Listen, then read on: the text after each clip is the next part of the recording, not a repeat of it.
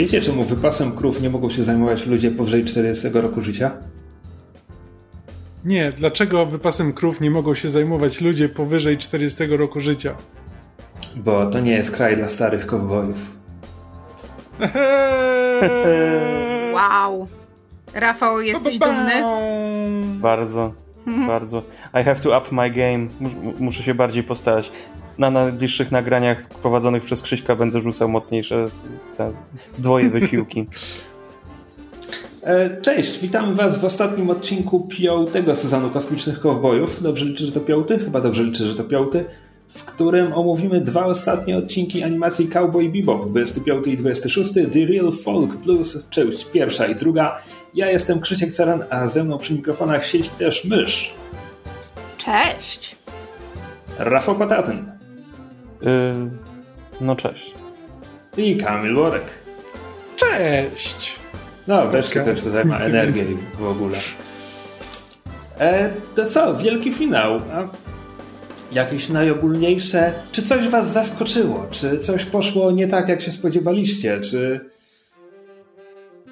Spodziewałem się może jakiegoś twista na koniec, jakiegoś czegoś, czegoś innego niż to, co się wydarzyło. Może, może nie wiem, może to było bardziej zaskakujące te naście dziesiąt lat temu, ale kurde, tak y, zupełnie, no okej, okay, dobra. I, a, a, koniec, to już tyle, no dobra. Czy to jest mniej więcej to, czego się spodziewałem po tego typu, tego rodzaju historii, jakby po tym, co, czego się dowiedzieliśmy o Spajku i Wiszusie i trudno powiedzieć, że się dowiedzieliśmy czegoś o Julii, ale mieliśmy e, pewne sygnały i fragmenty czegoś i no tak, tak, tak musiała się ta historia potoczyć i tak się potoczyła. The end. Hmm, to mnie trochę zdziwiło, jak bardzo zmienili w live action serialu postać Julie. Myszu, jakieś ogólne przemyślenia? E, w sumie zgodne z Kamilem, ale teraz y, Rafał powiedział y, to, co powiedział, i ja się zaczęłam zastanawiać, jak zmienili postać Julie w, w serialu live action w takim razie, biorąc pod uwagę, że ona w animacji praktycznie nie istnieje jest tylko tak, McGuffinem dla z tego, co, z tego, co w animacji widać, to tak jakby ona była sama gangsterką i jakby hitmanką, czy czę częścią tej mafii, a, a w live action ona jest po prostu śpiewającą w barze dziewczyną, która się związała z nimi, która hmm. była po prostu żoną Wiszusa i, i to tyle. mi się mniej podoba. Moim, moim zdaniem z serialu animowanego nie wynika, że ona była cyngielką na usługach syndykatu. Moim zdaniem ona jest jakby kobietą, która się wplątała w trójkąt miłosny z dwoma cynglami z syndykatu, ale nie tak, że sama tam latała z bronią i, i kosiła hmm. bandziorów. Bo ona... Też miałem takie wrażenie. Ale mówili, że te, to teraz y, syndykat chce wykończyć wszystkich, którzy byli w teamie Wiszusa. Wydaje ja mi tak się, to... że to jest jakiś coś się gubi w tłumaczeniu i chodzi po prostu o osoby w jakikolwiek sposób powiązane z Wisiusem. Okej. Okay. Chyba pora po prostu przejść do konkretnego omówienia tych odcinków i wrócimy sobie do ogólnych wrażeń, kiedy już e, przerobimy materiał. Więc odcinek pierwszy, The Real Folk Blues, część pierwsza. E, mieliśmy już w serialu wiele odcinków, których tytuły były nawiązaniami do, do różnych nawiązaniami, gdy ich tytuły były po prostu tytułami jakichś popularnych amerykańskich piosenek. E, tym razem mamy, czy to będzie nawiązanie autoteliczne. Serial nawiązuje sam do siebie, ponieważ The Real Folk Blues to jest utwór, który gra przy napisach końcowych każdego odcinka. Huh. I co się dzieje? Zaczynamy na Marsie, gdzie Julia wraca do swojego mieszkania i odsłuchuje, e, no, chciałem powiedzieć ze skrzynki głosowej, sekretarki automatycznej, bo w tej epoce jesteśmy, e, wiadomość, którą ktoś jej zostawił, ostrzegając ją, że e, starszyzna syndykatu Czerwonego Smoka przechodzi do działania i że powinna uważać. I w następnej scenie widzimy już mniej więcej, co to właściwie ma znaczyć bo oczywiście na scenie jest złowieszczy ten, złowieszcza czaplo, złowieszczy czaploseł, złowieszcza czapla. E... Złowieszczy czaploszem, cza, czapl, kurde, złowieszczy czaplosęp to będzie nazwa naszego kolejnego statku, jeśli będziemy w Astrofanko jakąś nową drużynę. E, I na scenę wchodzi Vicious, który kieruje drużynę killerów e, do mieszkania, w którym otwierają ogień do łoża z baldachimem i puch unosi się w powietrzu i w ogóle, po czym zapalają się światła. Ja nie rozumiem geografii. Też nie wiem, co tu się stało. Znaczy, to mhm. chyba nie było łoże z baldachimem, tylko to były to te zabaldachimowane siedziska, na których wcześniej w którymś odcinku siedziały te trojaczki z... Wanowie, z, masz na myśli. Tak, z Syndykatu Czerwonego Smoka, którzy teraz siedzą y, na, na, na schodach, na szczycie schodów z boku pomieszczenia, nie tam, gdzie Wyszys myślał, że będą. Znaczy mówię więc... na szczycie schodów, ale, ale to jest jakaś loża podniesiona, czy scena do przemówienia. Uj, ujmę to tak.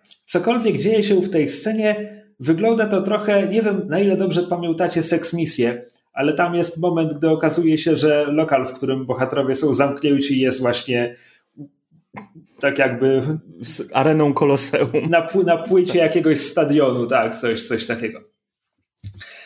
Dobrze, mówię, że to było w Sex Misji? Tak. Mieszają mi się.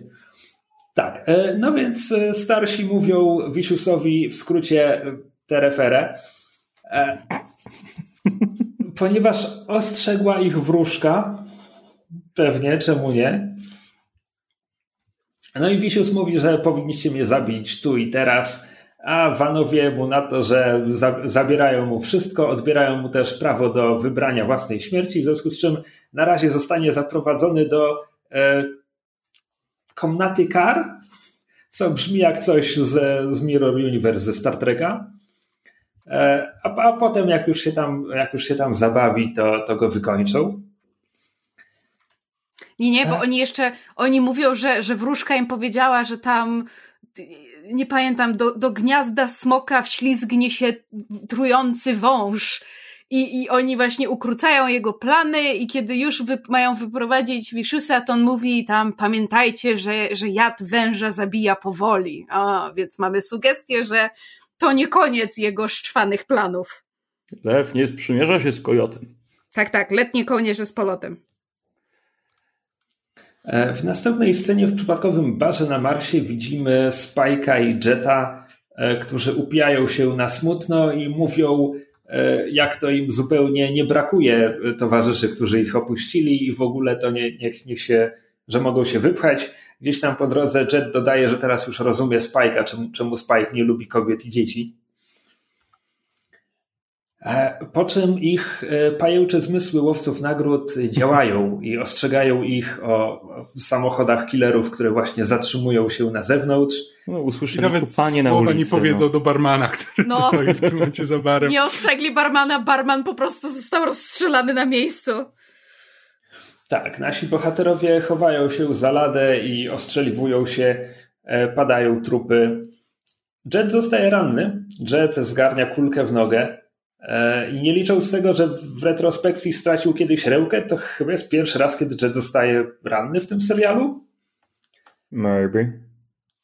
A nie dostał wcześniej w nogę nożem, jak się. A, racja, właśnie jak się bił z tym asasynem, przez którego właśnie. stracił rękę. Racja, racja, racja. Dobra, czyli to nie jest tak zupełnie pierwszy raz. I wiele razy przyjął jakieś obrażenia na tą metalową rękę, więc też no tak, ale to się właśnie nie, nie miał obrażeń wcześniej. To, to się tak nie, nie liczy, tak? To jak, jak Winter Soldier blokuje strzały ręką, to też się nie liczy jako, jako postrzał. Co najwyżej jako emotional damage. Emotional damage. Jak ja to lubię. What? What? Nieważne. Podeślę ci potem. Okej. Okay. E, w pewnym momencie w trakcie tej strzelaniny jeden z zamachowców syndykatu Czerwonego Smoka wpada do baru tylko po to, żeby dołączyć do naszych bohaterów za ladą. E, Spike widzi w nim e, Lina, który wstał spośród zmarłych. Lin to był ten, który dawny towarzysz Spike'a z syndykatu, wierny przyboczny Wisiusa, który ginie w odcinkach Jupiter Jazz. Ale to nie Lin, to, to, Shin jego brat.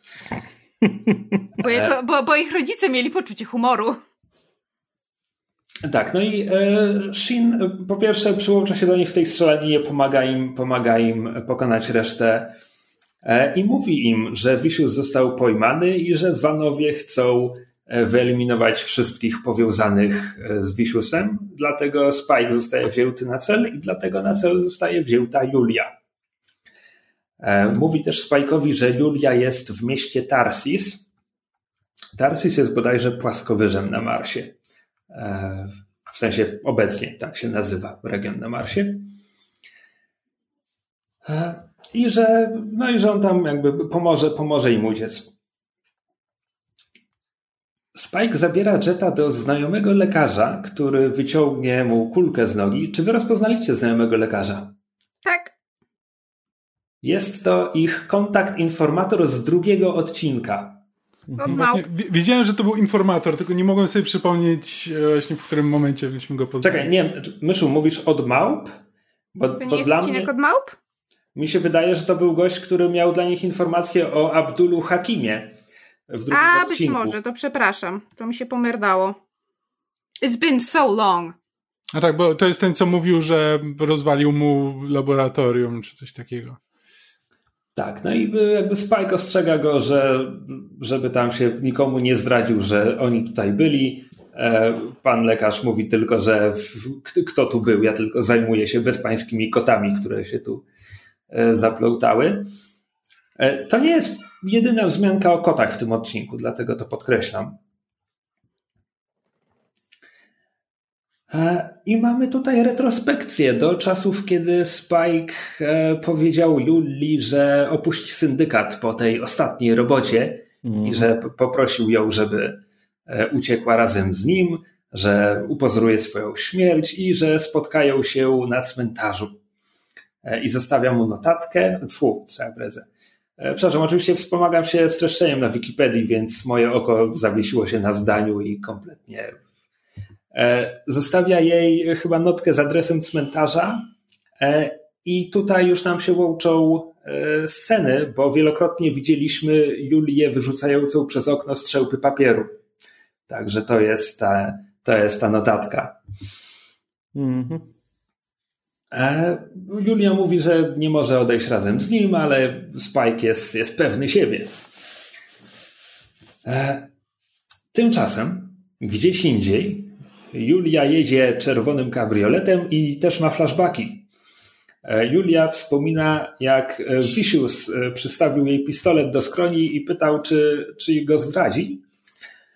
A po, potem powiedział, że zabije Spajka jej rękoma. Zostawia jej pistolet i mówi zasadniczo odkrywamy, że te trzy lata temu Julia została podstawiona pod ścianą przez Viciousa, który powiedział jej, że albo ona zabije Spajka, albo on zabije ich oboje. E, w związku z czym, już wybiegając trochę naprzód, rozwiązaniem Julii było nie stawić się na spotkanie. Co. Gdybym ja był Wisiusem, to też bym to potraktował jako złamanie tej umowy. No, nieważne. Nieważne. It's not that vicious. Nie spotkała się ze Spajkiem, więc nie miała okazji go zabić, więc Wisius nie ma prawa zabić jej najwyraźniej. Plus to nie jest tak, że siedziała w miejscu i mu ułatwiała e, upolowanie, jakby zaczęła sama uciekać, żeby Vicious jej nie dorwał, więc. No tak. Miała trochę tego oleju w głowie. Dowiedzieliśmy się, że była, e, no, była na tamtym księżycu Jowisza w końcu. To nad tym się właśnie zastanawiałem też sam, czy. Bo to, bo to był taki mój problem. To jest problem logiczny. To nie jest, to nie jest jakby to jest problem ala Cinema Sins. To nie jest mój wielki problem z tym, z, z odbiorem tego odcinka. To jest bardziej taka luka fabularna, którą jakby rozumiem z punktu widzenia fabularnego, e, ale tak jakby Spike Luka ucieka... fabularna, którą rozumiesz z fabularnego punktu widzenia, to takie trochę masło maślane. E, znaczy nie, no, rozumiem bardziej z, jak to nazwałeś? E, imperatywu melancholijnego bo rozumiem, czemu musieli być rozłączeni przez to, że byli wplątani w całą tę intrygę. No przy czym tak jak, tak jak było powiedziane, równie dobrze mogli po prostu uciec razem. Jeśli Spike uciekał przez te wszystkie lata, równie dobrze mógł uciekać z Julią. No dobrze. E, lecąc dalej, Fej jest na lotnisku na Marsie, e, gdzie obserwuje scenkę rodem z filmu obyczajowego. Jakaś starsza kobieta siedzi sobie w poczekalni w terminalu i tak mówi do siebie, że, że nie chce być obciążeniem dla rodziny, dlatego nie, nie zgodzi się, kiedy zaproponują, żeby z nimi zamieszkała, bo, bo jak to tak? No i przychodzi jej, jej syn, czarnoskóry mężczyzna, Alfredo. E, no i na jego widok, jakby ona w ogóle nie, nie wyraża żadnej z tych wątpliwości, które przed chwilą podsłuchała Fej i, i tylko się tak miło witają. E, no i ona się tylko upewnia, czy on może sobie na to pozwolić teraz, kiedy nie ma pracy. A jeszcze jak wychodzą z terminala, dopowiada jej, że, tfu, dopowiada, że, że słyszała, że jego współprowadząca bierze ślub. Bo to jest Punch z Big Shota. Tak. Mhm.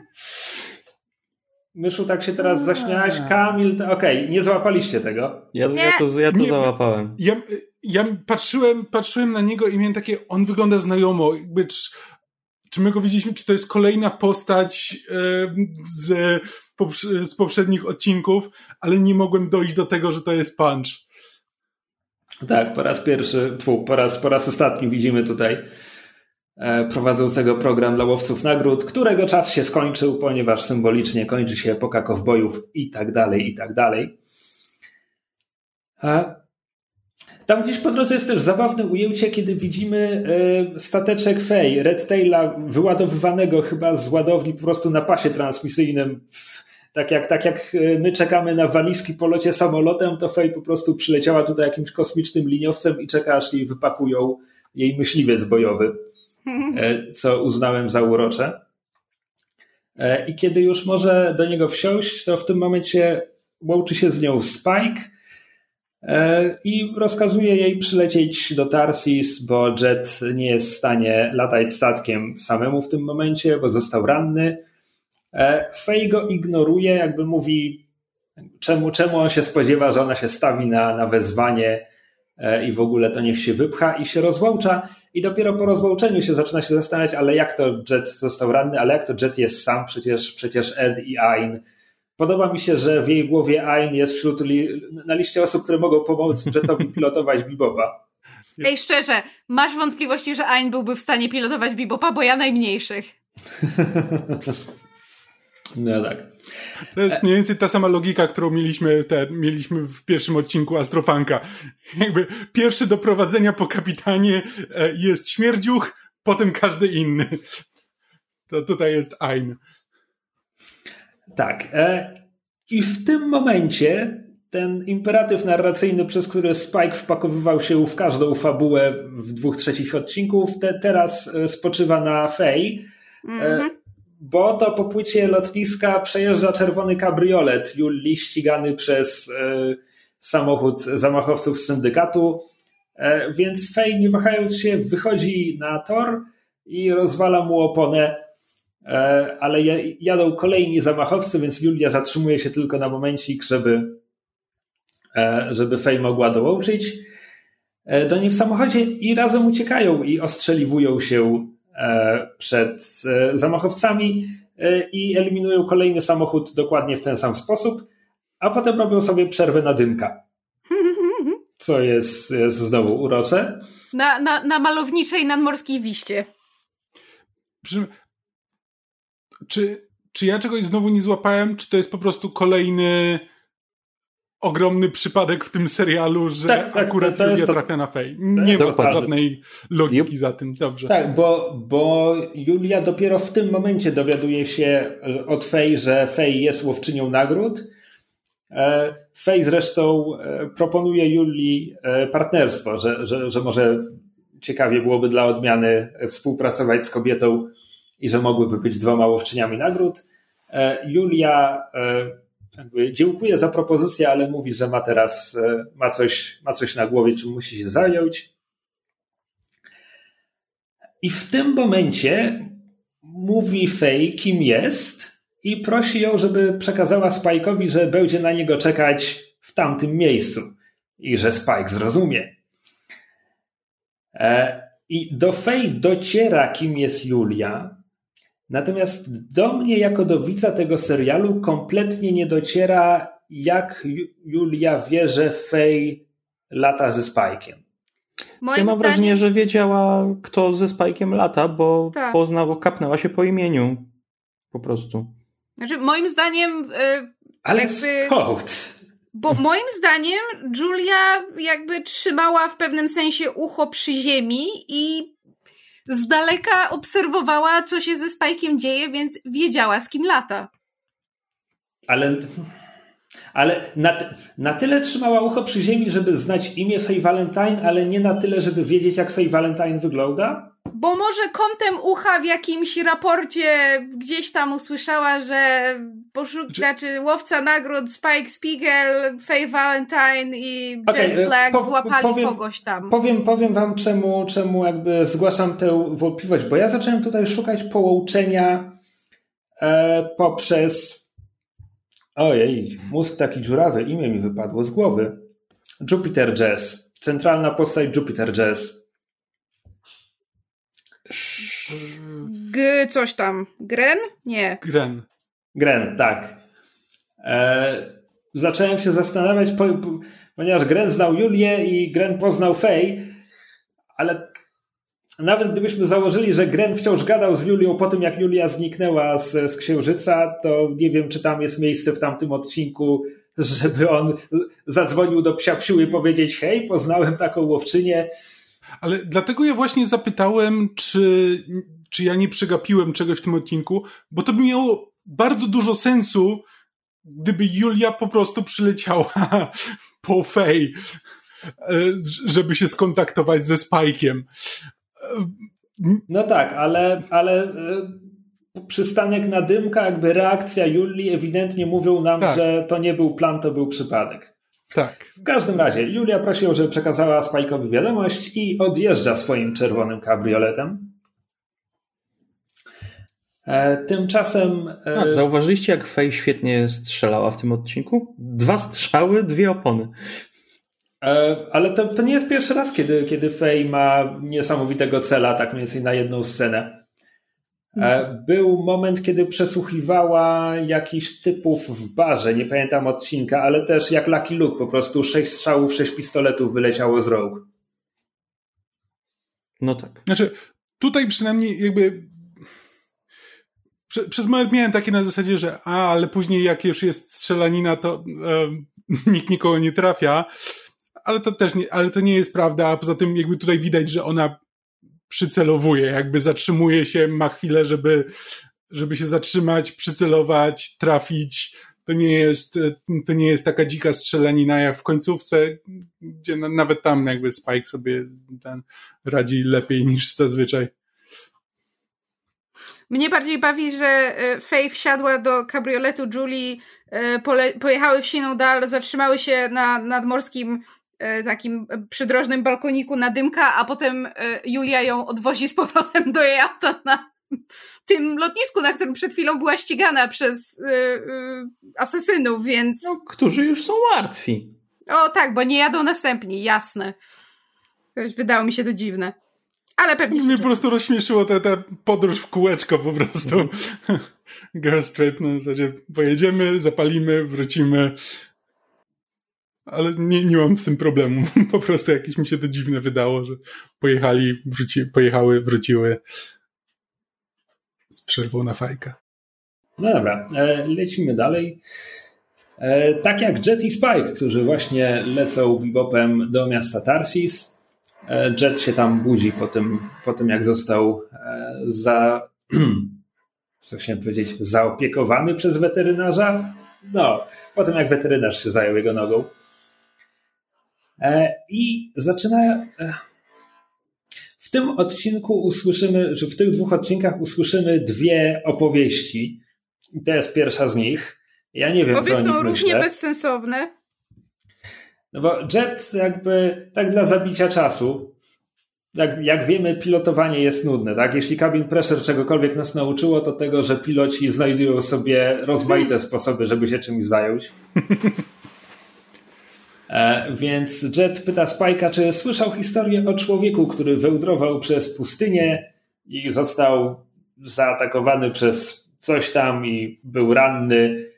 E, no i w końcu przyleciał po niego helikopter i go zabrał. I ten człowiek, wykrwawiając się w helikopterze, zobaczył połać białą pod sobą i zrozumiał, że to jest szczyt Kilimandżaro, na który się, który był jego celem, na który zawsze wełdrował. Po czym Jet mówi, że nienawidzi tej historii, że mężczyźni myślą o przeszłości tylko, gdy, gdy mają zginąć e, i, i dlatego jej nienawidzi. E, bo to historia o Julii i Spike'u, jak powie nam w następnej niemal linijce, mówiąc, żeby Spike zapomniał o Julii, żeby zostawił, jakby już raz uciekł syndykatowi, więc czemu nie może tego zrobić ponownie. E, co Spike kontruje, mówiąc, że nie może opuścić Julii, bo to jedyna kobieta, dzięki której czuł się cały, że coś, coś odnalazł, kiedy ją poznał, coś, czego w nim brakowało. E, no i że, i że zawsze potem szukał tej, tej części, nigdy więcej już jej nie znalazł, więc mowy nie ma. E, I wtedy Fej wraca na Bibopa i przekazuje Spike'owi wiadomość od Julii, e, której e, Spike w pierwszej chwili, znaczy Spike nie rozumie wiadomości, jakaś kobieta poprosiła mnie, żeby, żebym ci powiedziała, że, ma, że spotka się z tobą w tamtym miejscu i powiedziała, że to zrozumiesz. Spike mówi, nie rozumiem, też bym Spike nie zrozumiał. Znaczy, też bym nie zrozumiał, gdyby zostało to tak ujęte, bo Faye zachowuje, wiad- zachowuje informację, że to Julia jej to powiedziała na sam koniec. Znaczy, inaczej, ja, ja, ja, rozumiem, że ja, ja, ja znam imperatyw narracyjny, więc, więc oczywiste jest dla mnie, kim może być tajemnicza kobieta, która przekazuje y, Spike'owi zawoalowaną wiadomość na temat y, tajemnego spotkania w y, wyznaczonym, ale nienazwanym miejscu. Ale jakby no, biorąc pod uwagę, że Spike wie, co się dzieje z syndykatem i wie, że polują na Julię, like, fakt, że to nie jest pierwsza osoba, którą przychodzi do głowy, seems dumb. Tak tylko mówię.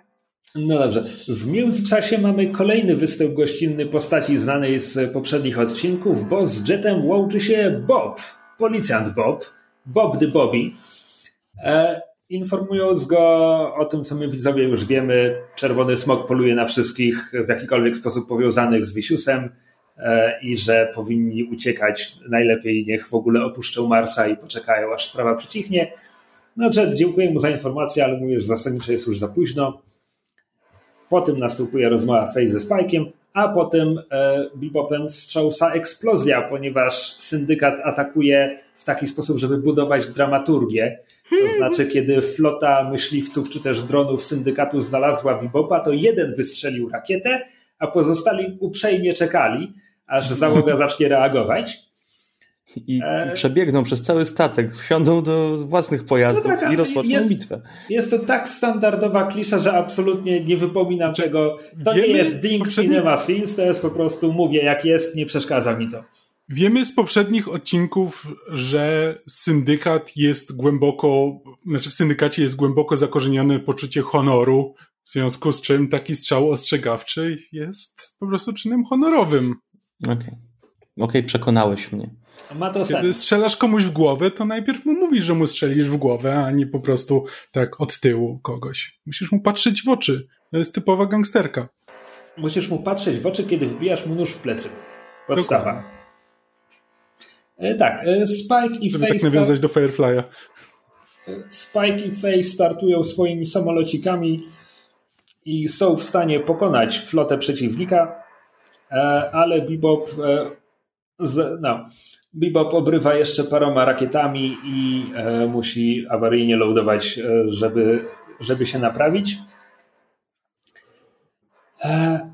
A Jet mówi Spike'owi, żeby się nimi nie przejmował, że oni sobie poradzą i żeby odnalazł tę, która czyni go całym.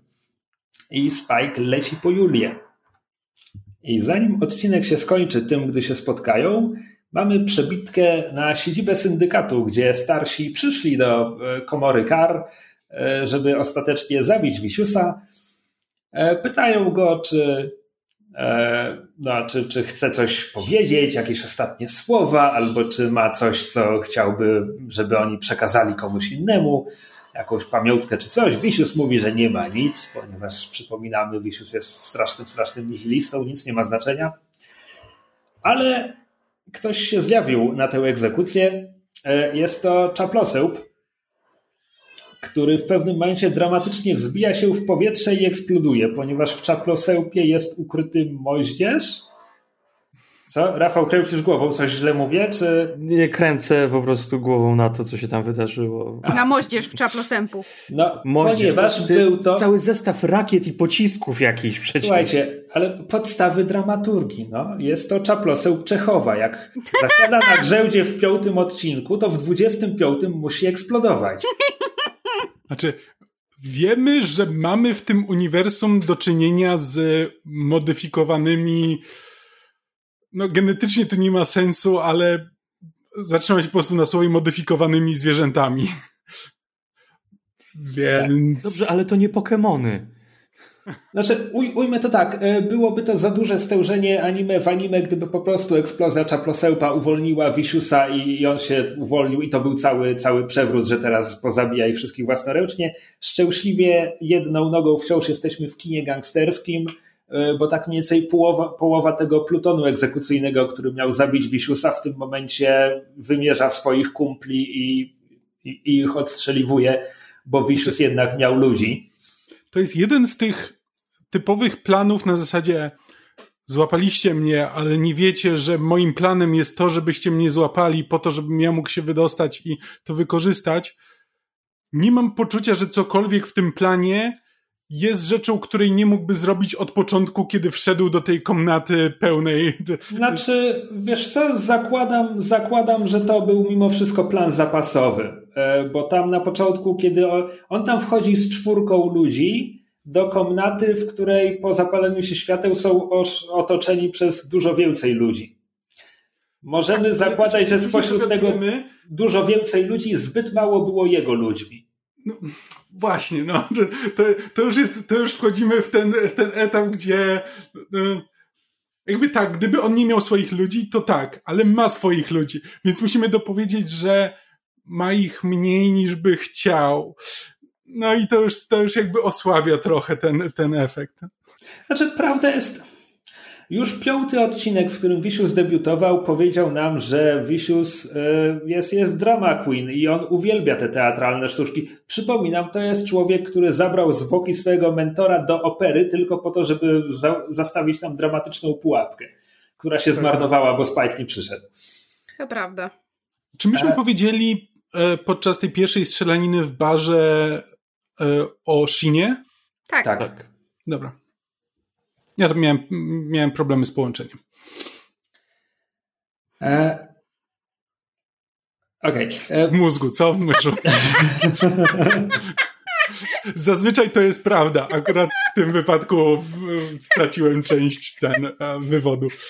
Ale bardzo się cieszę, że ty to powiedziałeś, a nie ja. Tak, w każdym razie w trakcie tej strzelaniny e, giną ludzie lojalni Vanom. E, Wisius zostaje uwolniony, otrzymuje swój miecz i chyba osobiście eliminuje co najmniej jednego z tych vanów, jeśli nie całą trójkę. E, dodajmy jednym z brutalniejszych e, morderstw w tym serialu, bo deklaruje ostatniemu Vanowi, że będzie płakał czerwonymi łzami, po czym tnie go przez twarz, przez oczodoły, co jakby mm. Au. Yeah. Tak to podsumuję. Mm. E, dodam od siebie, e, w live action głównym vanem jakby, to, oni byli zamaskowani w filmie i głównym vanem był ojciec Wiszusa, grany przez Johna Nobla. Ten to zawsze gra złych ojców, naprawdę. Znalazł sobie emploi. Tak. I ostatnia scena tego odcinka to jest Spike na cmentarzu. E, może dodajmy, bo tutaj pada deszcz, Spike jest bez parasola, więc go tak dramatycznie moczy, e, ale w ogóle e, w tym odcinku, mam wrażenie, że w obu tych odcinkach, kiedy na Marsie pada deszcz, mam wrażenie, że kolorystyka jest przytłumiona tak, że te sceny są niemal nieodróżnialne od tego, jak wcześniej wyglądały flashbacki Spike'a. Z tych wydarzeń. A, myślałam, że przyczepisz się do tego, że e, pada rzęsisty deszcz, a on ma nadal e, wizualnie suche włosy. Nie, jakby jest mi to kompletnie obojętne. Ale jeśli ty chcesz się do tego przyczepić, to proszę bardzo. No właśnie się przyczepiłam, dziękuję. Nie, jeśli, ma, jeśli mam się do czegoś przyczepić, to do e, dramatyzmu dla czystego dramatyzmu, bo Spike dostrzega Julię, Julia dostrzega Spike'a, Julia wyciąga spluwę i wymierza ją w Spike'a. Ale przecież wiemy, że nie strzeli. Tak, więc po co? No, żeby była dramaturgia. No przecież No, tyle no tak, razy, no właśnie. tyle Ale po razy co żeśmy nam ona? mówili, że ten serial jedzie na vibesach i na dramaturgii i to są pure vibes. I tak przechodzimy do The Real Folk Blues, część druga. Zaczynamy tam, gdzie skończyliśmy poprzedni. Jesteśmy na cmentarzu, gdzie Julia po dramatycznym wycelowaniu w Spajka, nie wiem, używa tego pistoletu jak nauczyciel wskazówki przy tablicy. Robi to tylko po to, żeby mu powiedzieć, że te trzy lata temu znalazła się w tej sytuacji, którą już streściliśmy, e, że miała zabić Spajka, ale ponieważ go kochała, to zamiast tego zdecydowała się na ucieczkę na, ciągłe uczeka, tf, uczekanie, uciekanie. E, więc znowu, czemu nie uciekła wraz z ze Spajkiem? No tego się nigdy nie, nie, nie dowiemy. W każdym razie teraz go przytula i mówi, że teraz jest gotowa z nim, z nim uciec. E, żeby, no, i żeby to zrobili. Tymczasem e, Shin, e, wiecie, Shin, no wiecie, zawsze kiedy Shina nie ma na ekranie, powinniśmy zadawać sobie pytanie, gdzie jest Shin i co właśnie robi. Shin składa raport Viciousowi e, i zgodnie ze słowem danym Sp- Spike'owi mówi Viciousowi, że jakby no, no uciekł, no, no uciekł, co- miałem zrobić, uciekł. Zabił wszystkich naszych ludzi i, i uciekł. E, Julia? Jaka Julia? No, no nie wiem, gdzie jest Julia. E, I Vicious ostrzega Shina, żeby nie skończył jak Lin. Znaczy, Shin jest mniej więcej tak przekonujący, jak ty go teraz odegrałeś.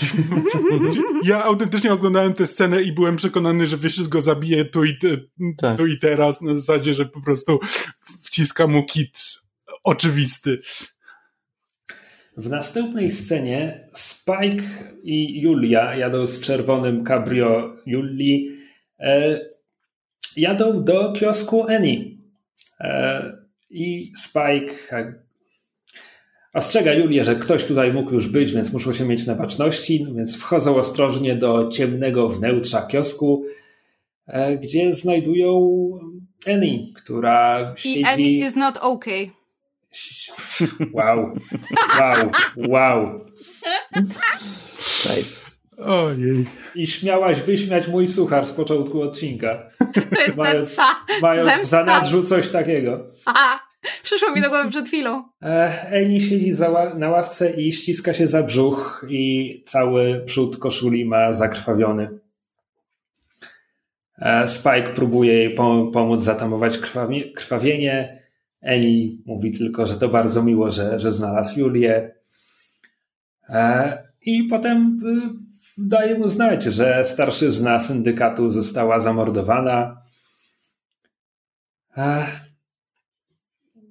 Teraz patrzę na streszczenie i widzę, że przekręciłem kolejność, bo tak naprawdę to Eni mówi: O, to, to miło, że znalazłeś Julię i umiera. Yep.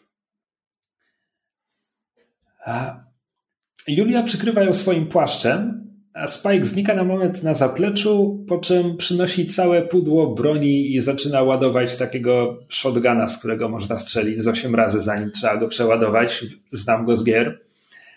E, I Julia przygląda mu się i mówi, że nie potrzeba takiego arsenału, żeby uciec, więc.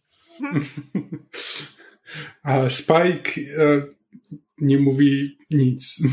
E, No, nie mówi nic, bo biegnie do okna, bo znowu pajęcze zmysły go ostrzegają, bo kolejne wozy cynku. To nawet nie są syndykatu- pajęcze zmysły, bo już zanim on wychodzi z e, tego zaplecza, to już Julia jakby wygląda za okno i już słychać nadjeżdżające samochody, więc jakby oni już wiedzą, że, że coś się zbliża. No tak, i zaczyna się kolejna strzelanina. Zbiry syndykatów wpadają do kiosku. e, Spike i Julia się ostrzeliwują i uciekają. E, W międzyczasie mamy przebitkę na Bebopa. E, Gdzie Jet e, już ma taki swój mały rytuał za każdym razem, kiedy Spike jedzie zrobić cokolwiek z Julią.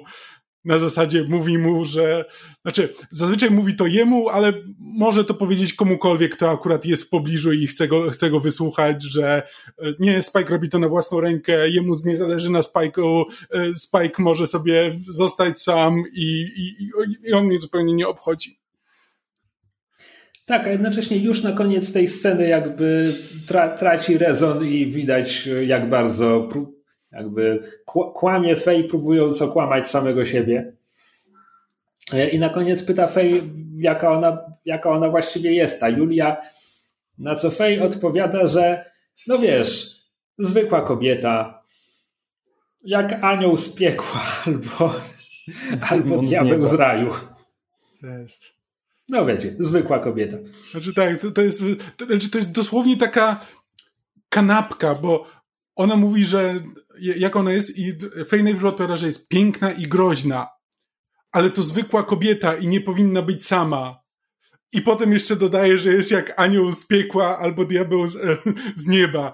Więc to jest taka, you know, compliment sandwich. To jest... zwykłą, jest zwykłym demonem z nieba, albo zwykłym aniołem z piekła. Nie wiem o co, co, o co ci chodzi. I broń Boże, nie może być sama. Tak, bo to kobieta. Mm.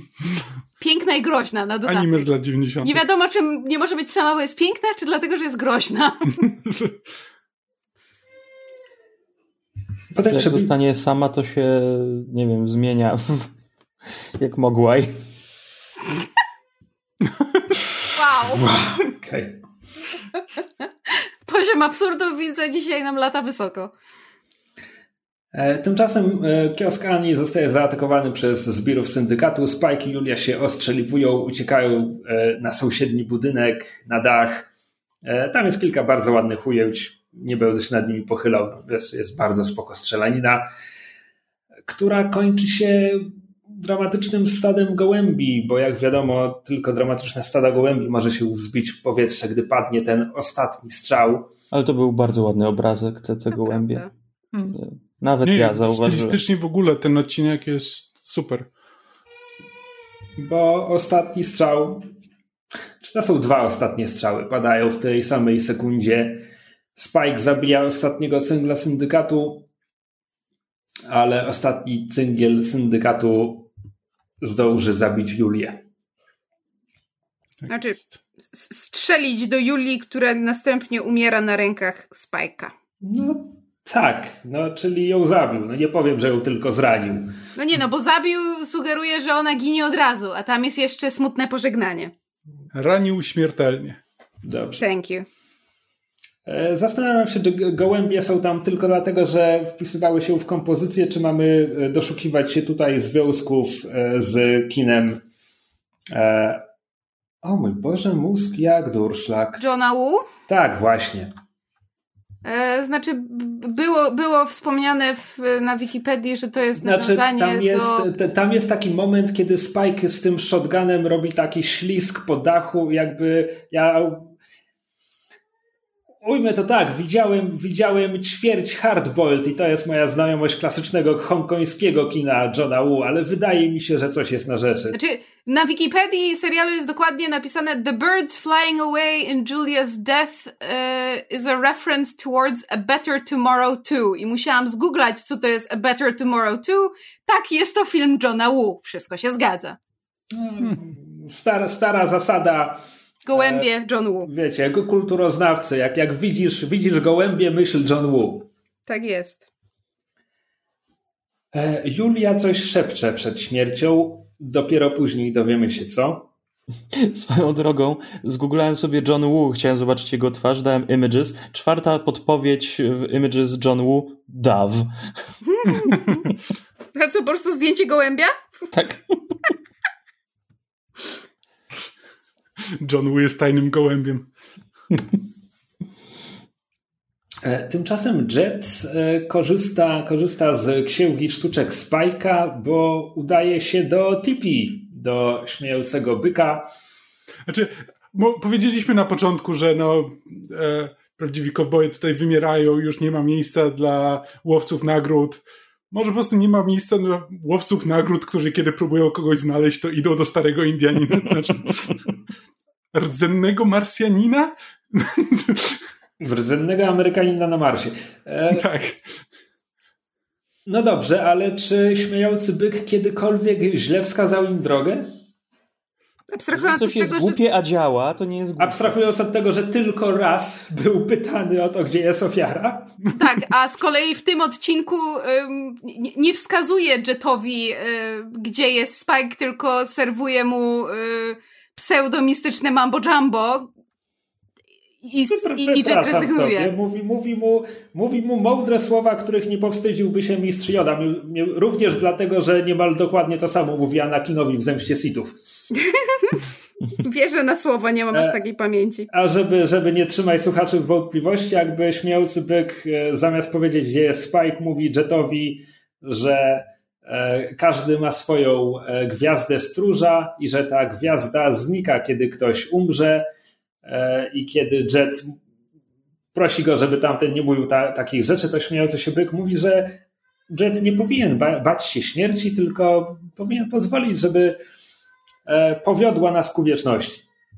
Znaczy on mówi dokładnie, że jego gwiazda niebawem spadnie. Znaczy spajka gwiazda. Tak. E, po przerwie na reklamy Wisius znajduje w kiosku Ani e, płaszcz Julli i od razu rozumie w lot, że Spike tu był i jest bardzo zadowolony z siebie, bo Spike teraz już nie ma nie ma już w ogóle dokąd uciec, bo najwyraźniej mógł uciec tylko do tego kiosku i e, nie ma teraz żadnych wątpliwości, że przyjdzie do niego.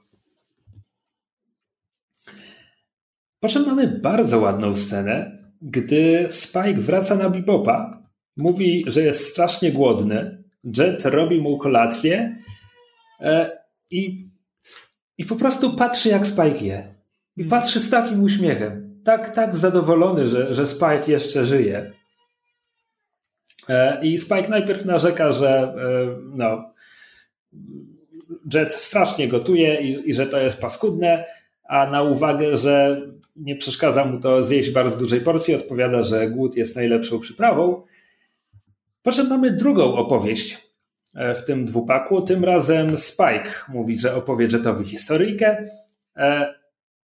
Streszczę ją nieco. Był sobie kot w paski, który ginął i odradzał się miliony razy, dopóki nie poznał białej kotki, z którą spełdził bardzo miłe życie, ale potem biała kotka zmarła, a kiedy potem kot w paski zmarł, to już się nie odrodził. Kropka. Mhm. E, Jet, opowieść. Jet mówi, e, że to piękna historia, na co Spike odpowiada, że jej nienawidzi, po czym dopowiada, że to dlatego, że nie lubi kotów e, i obaj śmieją się do rozpuku. Ile słów użyli, żeby, żeby, żeby przekazać tylko jedno takie She was the one, man.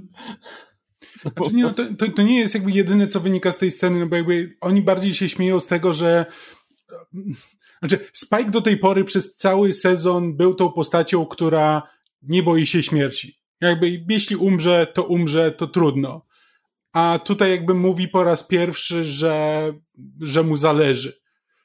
E, nie jestem pewien, jak odczytywać w kontekście jakby śmierci Julii, co ona tutaj zmieniła i czy to jest zmiana, czy jakby Spike po prostu przyznaje się do czegoś, co było zawsze prawdą, ale,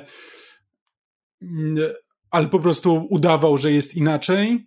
Tego nie jestem pewien, jak to odczytywać, ale to jakby jest, jest ja to przynajmniej jakby rozumiem jako, że no nie, jakby ja nie jestem tym kotem, który jakby że jeszcze, jeszcze się odrodzę. No to nie, nie, nie zależy mi na tym, żeby teraz zginąć.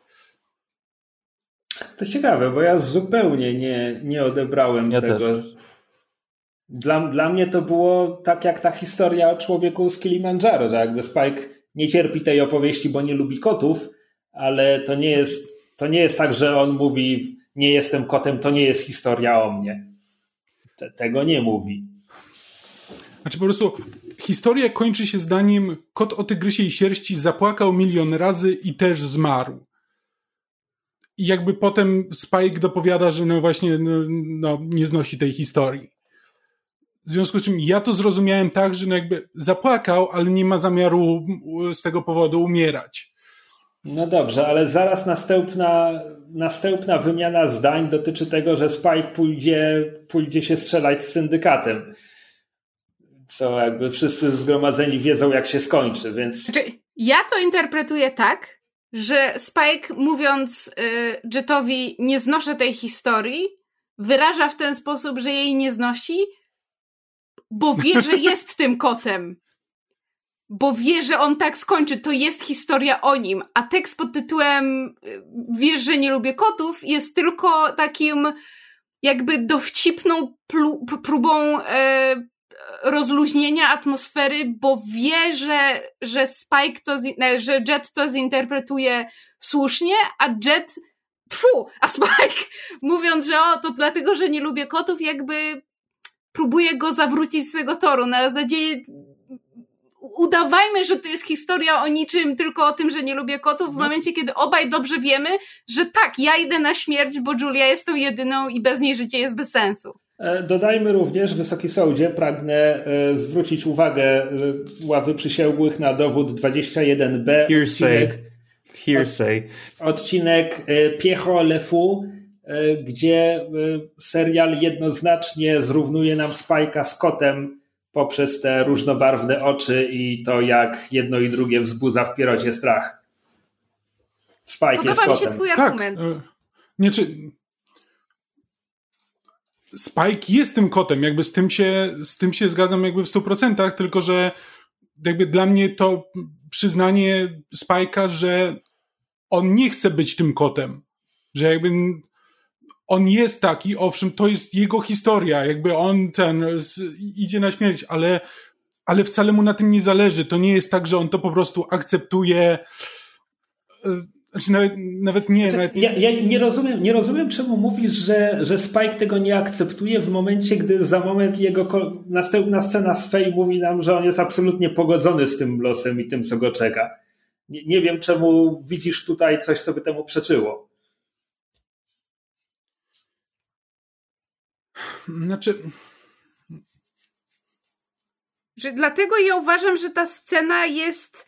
To jest Spike odgrywający dla Jetta jakby większą Wszystko jest no, okay, tak. no tak, większą nonszalancję na zasadzie spoko stary, ja wiem, że my sobie żartowaliśmy, że ja mam życzenie śmierci, ale to wcale nie tak.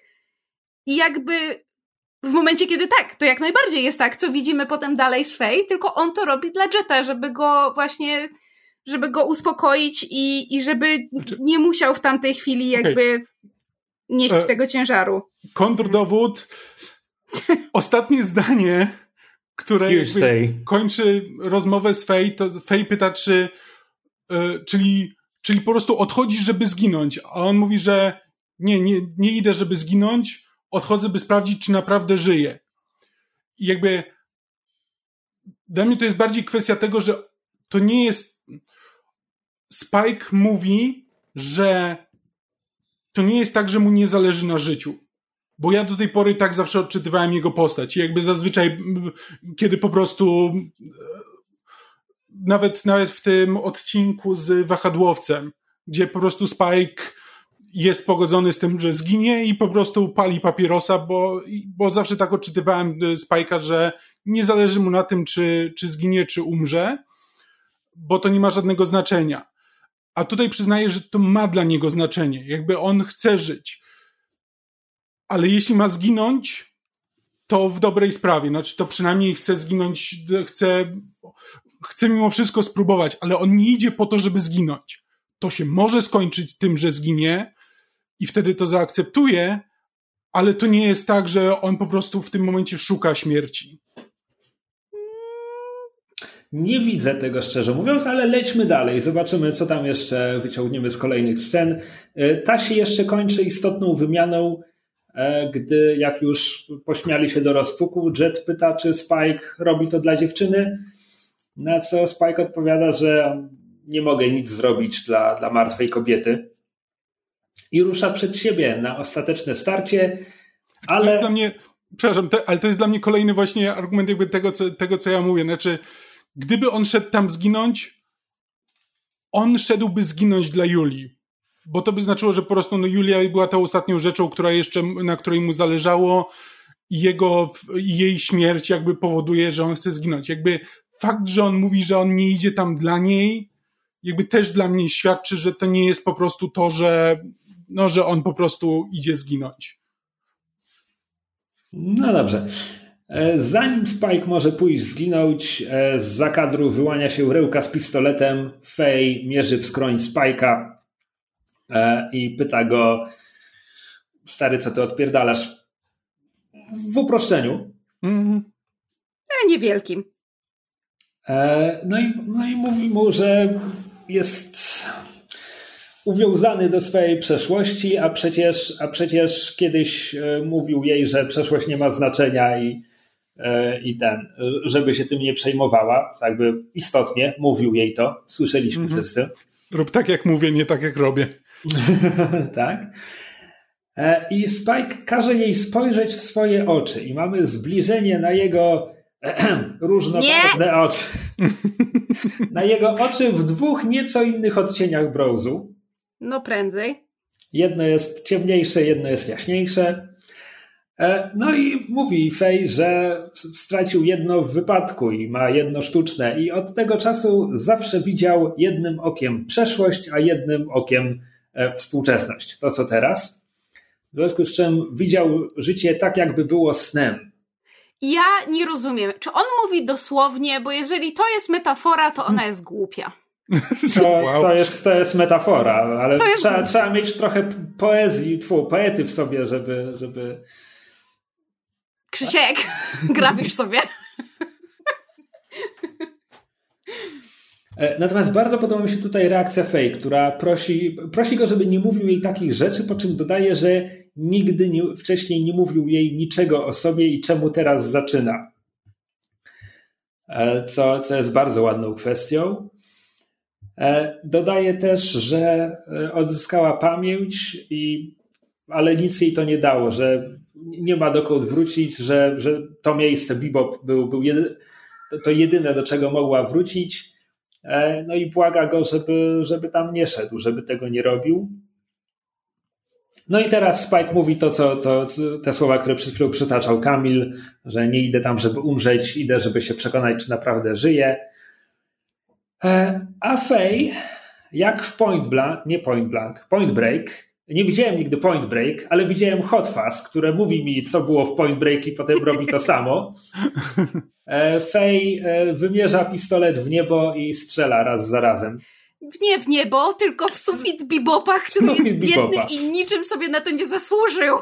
I przy tym jest metalowy, więc to było, to było bardzo głupie z jej strony, ale, ale znowu, imperatyw melancholijny. Ja cały czas taki miałem, czy ta scena jest odegrana trochę tak, jakby Faye zależało Spike'owi w sposób e, tfu, na, jakby na Faye zależało na Spike'u w sposób romantyczny. Mam nadzieję, że to nie jest prawda. Można ją odczytywać na, na różne sposoby, ale ale po prostu ten dramatyzm, z jakim ona to z nim rozmawia, trochę świadczy o tym, że no to jest coś więcej niż po prostu to, że zależy jej bardziej niż udawała. Ale no jakby. Znaczy, ja, ja, tak zawsze, tak ja zawsze zakładałem, ja zawsze zakładałem, że e, Spike jest atrakcyjny dla Faye. Nie mówię, że ona jest w nim e, beznadziejnie zakochana czy coś takiego, ale że jakiś tam aspekt że właśnie dlatego są dla ciebie tacy złośliwi nawzajem, e, ponieważ coś tam jest.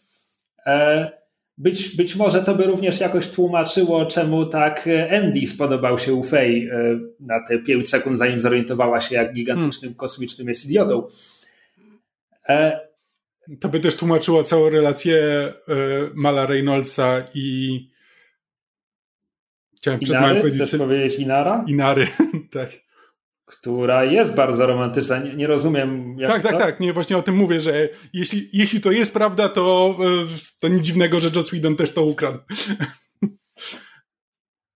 Okay. Tak, przesadzam dla efektu. Dobrze.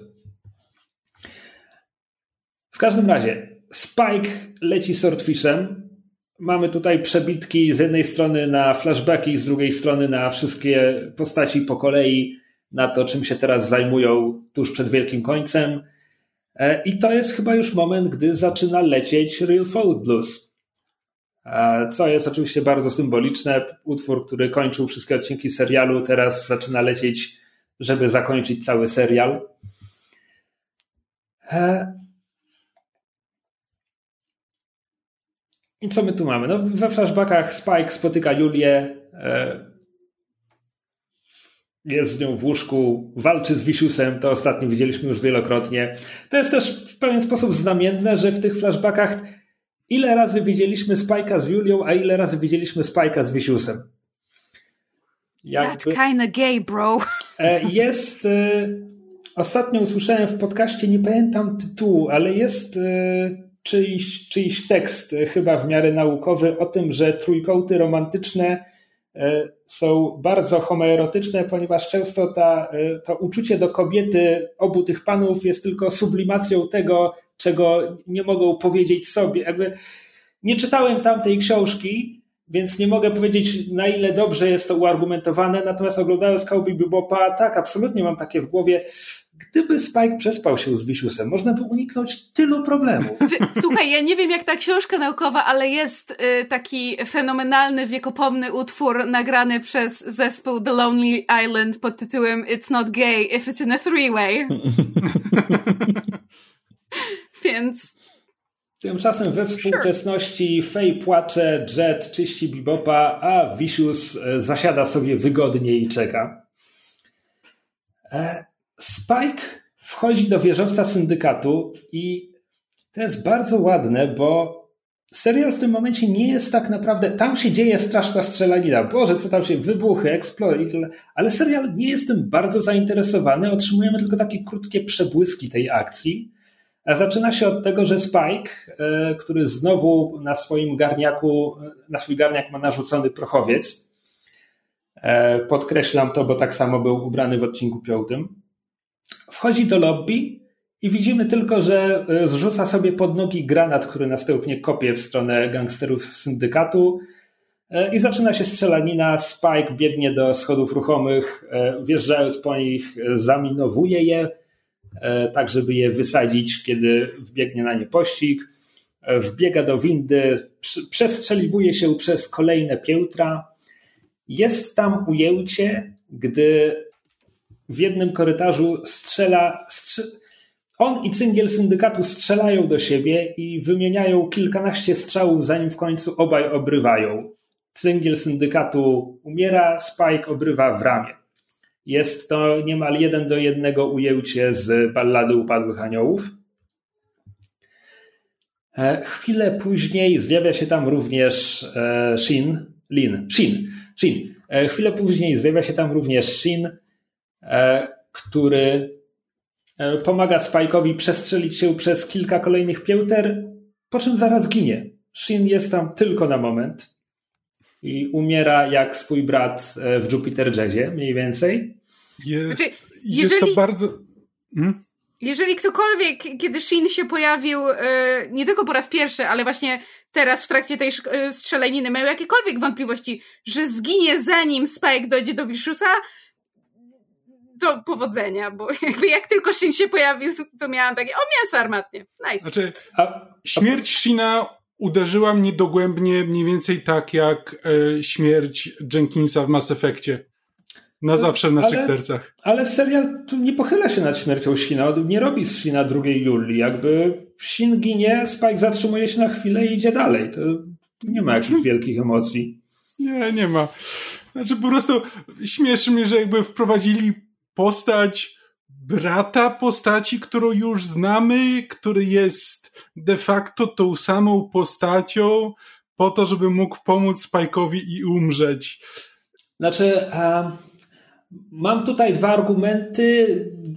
Z drugim jeszcze poczekam chwilkę. Pierwszy argument jest taki, że to jest taki trochę wytrych fabularny na zasadzie czemu, czemu tak łatwo w pewnym momencie Spike gubi pościg, no bo tam Shin okłamał Vicious. No, nie wiem, mo, może ma to łatać jakąś e, coś, co w innym wypadku byłoby drobną dziurką fabularną. Znaczy tak, jakby rozumiem, co to tam robi. Jest to po prostu dla mnie dosyć niezdarne rozwiązanie. E, a propos kinematografii Johna Woo, jest tam taki moment, gdy Spike zaczyna się posługiwać e, dwoma spluwami, więc znowu Chow Yun Fat, jak się patrzy. Jest bardzo ładne ujęcie, gdy wychodzi z windy i tak jakby ubezpiecza najpierw jedną, potem drugą stronę. Tam akurat nie ma żadnych cyngli, więc to jest tylko takie no, tak, taki ładny kawałek animacji. E, I w końcu staje naprzeciwko Wiszusa. Tam po drodze jeszcze eksploduje całe piętro tego budynku i w tym momencie Właśnie. już naprawdę w ogóle nic, nic nie widzimy, co się dzieje, Why? jak do tego doszło. Czemu? Kto wysadził? Czym? Spike Dlaczego? wysadził. Granatami. Żeby było dramatycznie. Znaczy, ja przez znaczy ja się też nad tym zastanawiałem i myślałem, po czy to przypadkiem... Co? Po co? Bo cały ten cholerny podcast Krzysiek jest o tym, co się dzieje w serialu i dlaczego. Ale jesteśmy na 26 odcinku serialu, który leci na vibesach, a wy się zastanawiacie, czemu w pewnym momencie coś wybucha. Jakby... To jednak czasami potrzebuję czegoś więcej niż vibesów tylko. A po prostu, e, znaczy, bo ja, ja, byłem przez moment, znaczy nie, prze, chciałem powiedzieć, że byłem przekonany, nie byłem do niczego przekonany, ale z jedną z teorii była taka, że, że to Shin zrobił. Hmm. Jak eksplodujący A... czamplosep? Nie. I nawet jeżeli to piętro wybuchło, to te gruzy by spadły na nich, a nie odleciały gdzieś dalej, bo gdyby odleciały dalej, to znaczy, że wybuch był na tyle mocny, żeby ich zabił. I... Rafał, ale ja nie wierzę, że ja to mówię, ale ty ze wszystkich osób masz pretensje do fizyki typu anime? Znaczy, to mi najmniej przeszkadza. Znaczy, jakby rozumiem, rozumiem, że to ma być e, dramatyczny, metaforyczny pojedynek na zgliszczach. I jakby spoko, po prostu chciałbym nie wiem. No dobrze, e, przechodząc do dalej. chciał. E, w zrujnowanej e, sali tronowej Spike staje naprzeciwko Wisiusa. Tym razem ich rozmowa jest bardzo krótka. Wisius mówi Spike'owi, mówiłem ci już, że tylko ja mogę cię zabić. Spike odpowiada, tak, chyba ty. I, I ciebie też nawzajem. E, I zaczynają walczyć. Chyba I to, ty. I to znowu jest ta walka, którą widzieliśmy w piątym odcinku, pistolet przeciwko katanie. E, I to chyba świadczy o umiejętnościach Wisiusa, że to, to faktycznie jest równa walka. No, umiejętnościach Wisiusa przy uwzględnieniu licznych ran Spike'a. No właśnie, bo trafiłby go, gdyby nie to, że już miał mgłę przed oczami, jak próbował wycelować. Obaj odnoszą e, w tym momencie drobne rany. Jest taki moment, gdy obaj nawzajem wytrącają sobie broń i Spike kończy z kataną Viciousa, e, a Vicious z pistoletem Spike'a. Po czym Spike deklaruje, że Julia nie żyje, zakończmy to.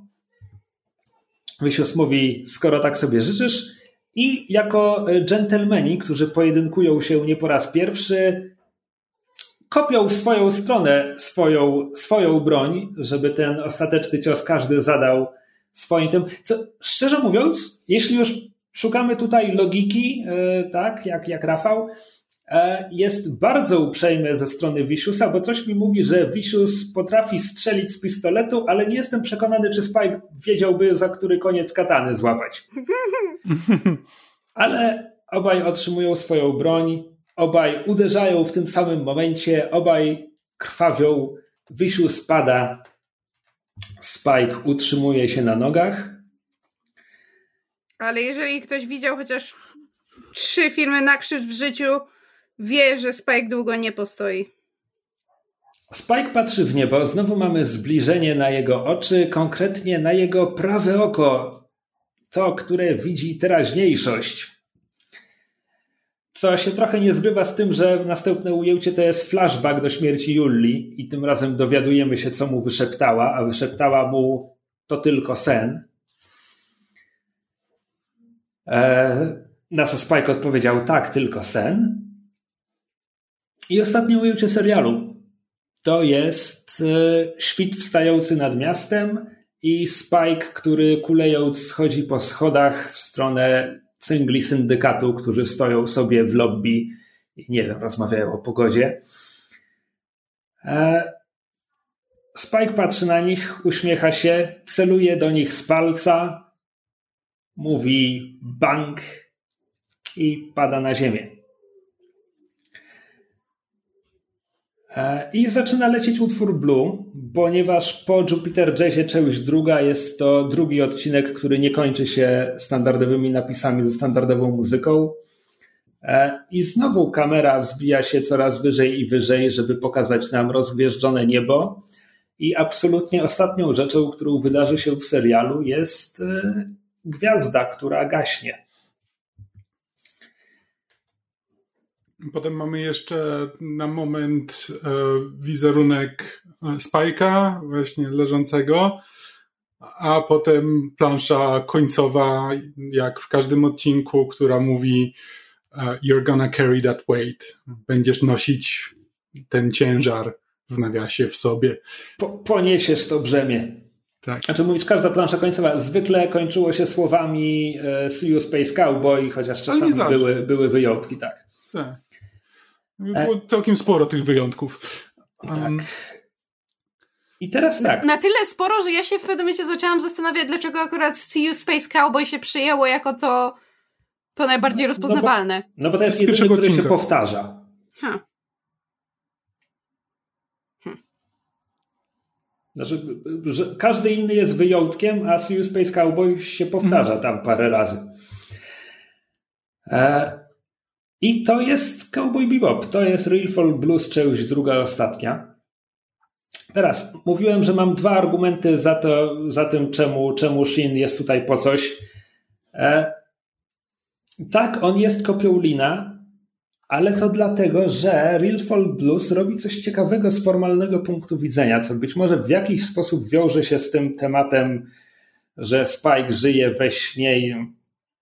Znaczy, ja nie chcę wchodzić za głęboko w interpretację tych, tych, tej tematyki snów i tak dalej, bo nie uważam, żeby Cowboy Bebop jakoś sam wchodził w to głęboko. To jest mm. po prostu parę razy rzucone hasło.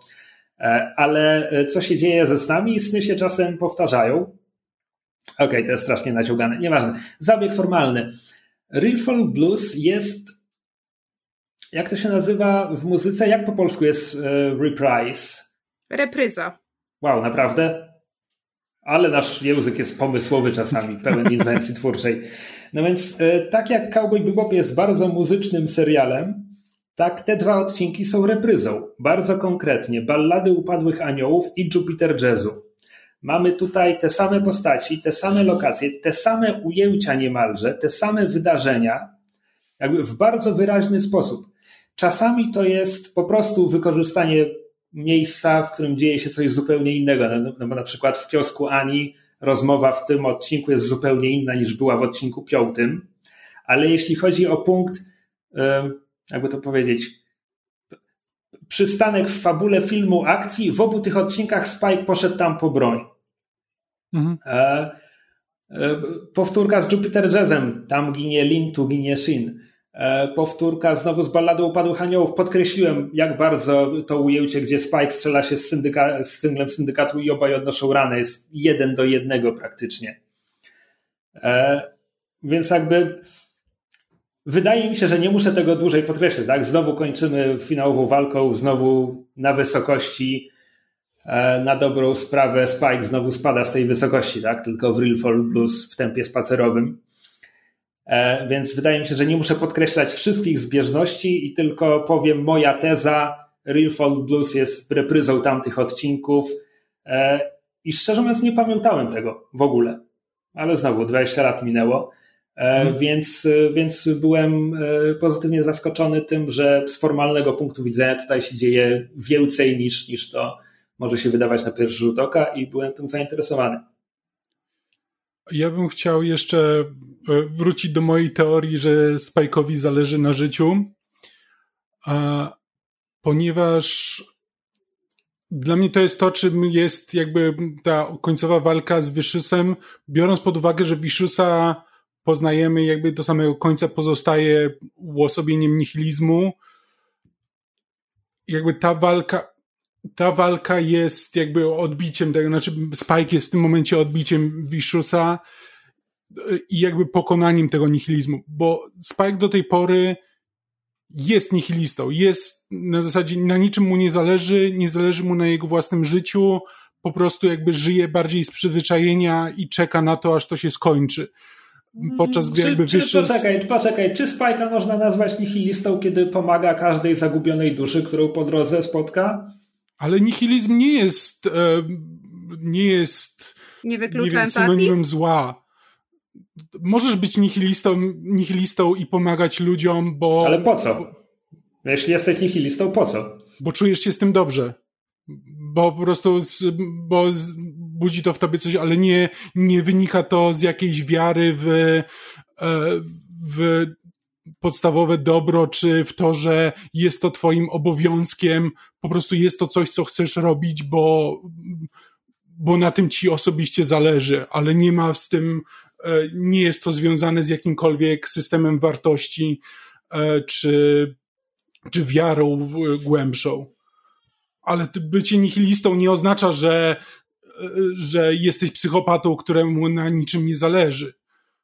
To są jakby, to są dwie różne rzeczy. Jakby Spike nie jest, jakby dochodzą do zupełnie różnych wniosków, ale wynikają one z tego samego, z tego samego przekonania, że, że właściwie nic nie ma sensu, więc jakby Spike dochodzi do wniosku, że no, będzie robił to, co, to, co umie i lubi robić, dopóki, dopóki nie przyjdzie po niego śmierć, podczas gdy z E, podchodzi do tego na zasadzie, że po prostu zniszczy wszystko i będzie rządził światem, choćby miał rządzić z gliszczami. E, to jest takie jakby podstawowe, no podstawowe dwa oblicza nihilizmu. Przynajmniej, przynajmniej takiego bardzo często widywanego w, w popkulturze, gdzie mamy postaci, zwłaszcza jeśli chodzi o antybohaterów, gdzie jakby są właśnie nihilistami, że nie zależy im na niczym, nie mają systemu wartości, ale wciąż pomagają innym, bo jakby mają gdzieś taką potrzebę. I jakby Spike jest dla mnie taką postacią, wyższy podchodzi do tego z drugiej strony. A, ale ostatecznie jakby Spike e, Spike dochodzi do czegoś, do jakiegoś, do jakiegoś spokoju wewnętrznego na sam koniec, nawet jeśli nie zmienia to niczego, co się wydarzy, czy wydarzyłoby się. Gdyby on tam poszedł po prostu z myślą o tym, że chce zabić Vishusa po prostu za to, że zabił Julię e, i po prostu, po prostu po to, że tylko dlatego, że go nienawidzi i nie zależy mu na tym, czy umrze, skończyłoby się to dla niego dokładnie tak samo, ale mimo wszystko to, co jest w jego sercu w tym momencie jest, e, jest ważne. No i ja to, ja to tak odczytałem do, do tej pory. Okej, okay. powiem szczerze, nie, nie czuję się przekonany, zwłaszcza, że to nie Vicious jest winny śmierci Julii? Czekaj, w tamtym momencie... Nie, czekaj, to jest już po przewrocie. Dobra, nieważne, przepraszam. Myślałem, że to jeszcze cyngle z rozkazu Wanów e, ich ścigają. E, wycofuję. Nie, jakby nie, nie zależy mi na tym, żeby kogoś przekonać. To jest jakby, to jest moje odczytanie jakby historii Spajka. E, po prostu mam wrażenie, że, że serial daje nam tutaj, przynajmniej w tym odcinku, wystarczająco dużo e, sygnałów, że coś się w Spajku zmieniło i podchodzi do tego inaczej niż podchodził do tej pory.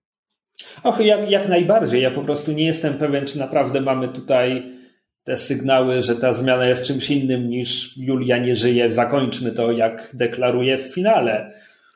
I dlatego uważam, że obie historie, które pojawiają się w tych dwóch odcinkach, są yy, głupie i bezsensowne, ponieważ żadna z nich nie spełnia swojej funkcji. To znaczy, ja, słuchajcie, ja nie mam nic przeciwko yy, dziełom popkultury, które wykorzystują Y, poetyckie, metaforyczne historie, czy też przypowieści, żeby pewne y, emocje czy, czy, czy rzeczy nam zasygnalizować. Jakby ja rozumiem, jaką funkcjonalnie tego typu um, jaką rolę tego typu historie funkcjonalnie spełniają w swoich fabułach. Tylko, że tutaj to nie działa, bo jeżeli my dyskutujemy na temat tego, co autor, to znaczy Spike miał na myśli, opowiadając historię o kocie, to znaczy, że ta historia nie spełnia swojej podstawowej funkcji, to znaczy nic poczekaj, nam poczekaj, nie mówi. Poczekaj, poczekaj. Nie, nie, nie. Dyskutowanie o tym, co autor miał na myśli, jest podstawą interpretacji. To jakby... Tak, ale jakby. Ja nie mam żadnego problemu z tym, że nie jestem do końca pewien, co ta historia robi w tym odcinku. Ale to nie chodzi o to, że ja nie wiem, co ona robi w tym odcinku. Ja wiem, co ona próbuje zrobić w tym odcinku, ale cokolwiek ona próbuje zrobić, robi nieskutecznie. Znaczy, ja minimum tego, czego nawet gdybym wam przyznał rację co do tego, co tam jest w sercu Spike'a na końcu, minimum tego, co, o czym świadczy ta historia i jakby to, jak Spike ją kwituje, jest to, że nawet jeśli on wciąż pozostaje tą osobą, która po prostu czeka na śmierć, e, to on tego w sobie nie lubi. To jakby on chciałby, chciałby, żeby było inaczej. Że przynajmniej jakby dostrzega to, że nie jest, nie jest to droga, którą powinien iść, nawet jeśli nie jest w stanie się zdobyć na to, żeby, e, żeby z niej zboczyć. No tu się zgodzę. No dobrze, mo może wróćmy nieco bardziej na ziemię.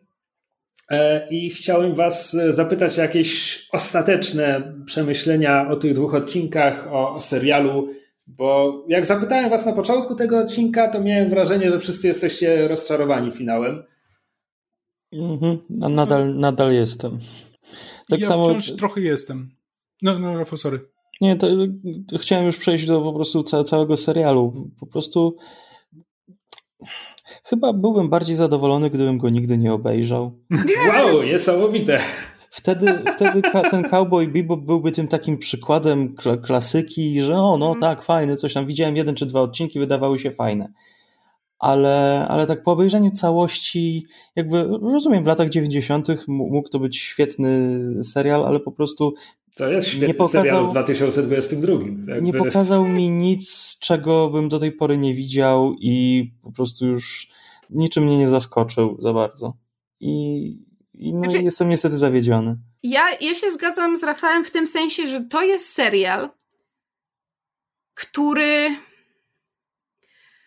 w moim pojmowaniu popkultury urósł do tak ogromnych rozmiarów mhm. ze względu na wszystko, co o nim słyszałam przez lata, wszelkiego rodzaju nawiązania, to jak się o nim mówi. Nawet Krzysiek, to jak ty się o nim wyrażasz, wspominając go sprzed tych tam dwudziestu iluś lat czy więcej.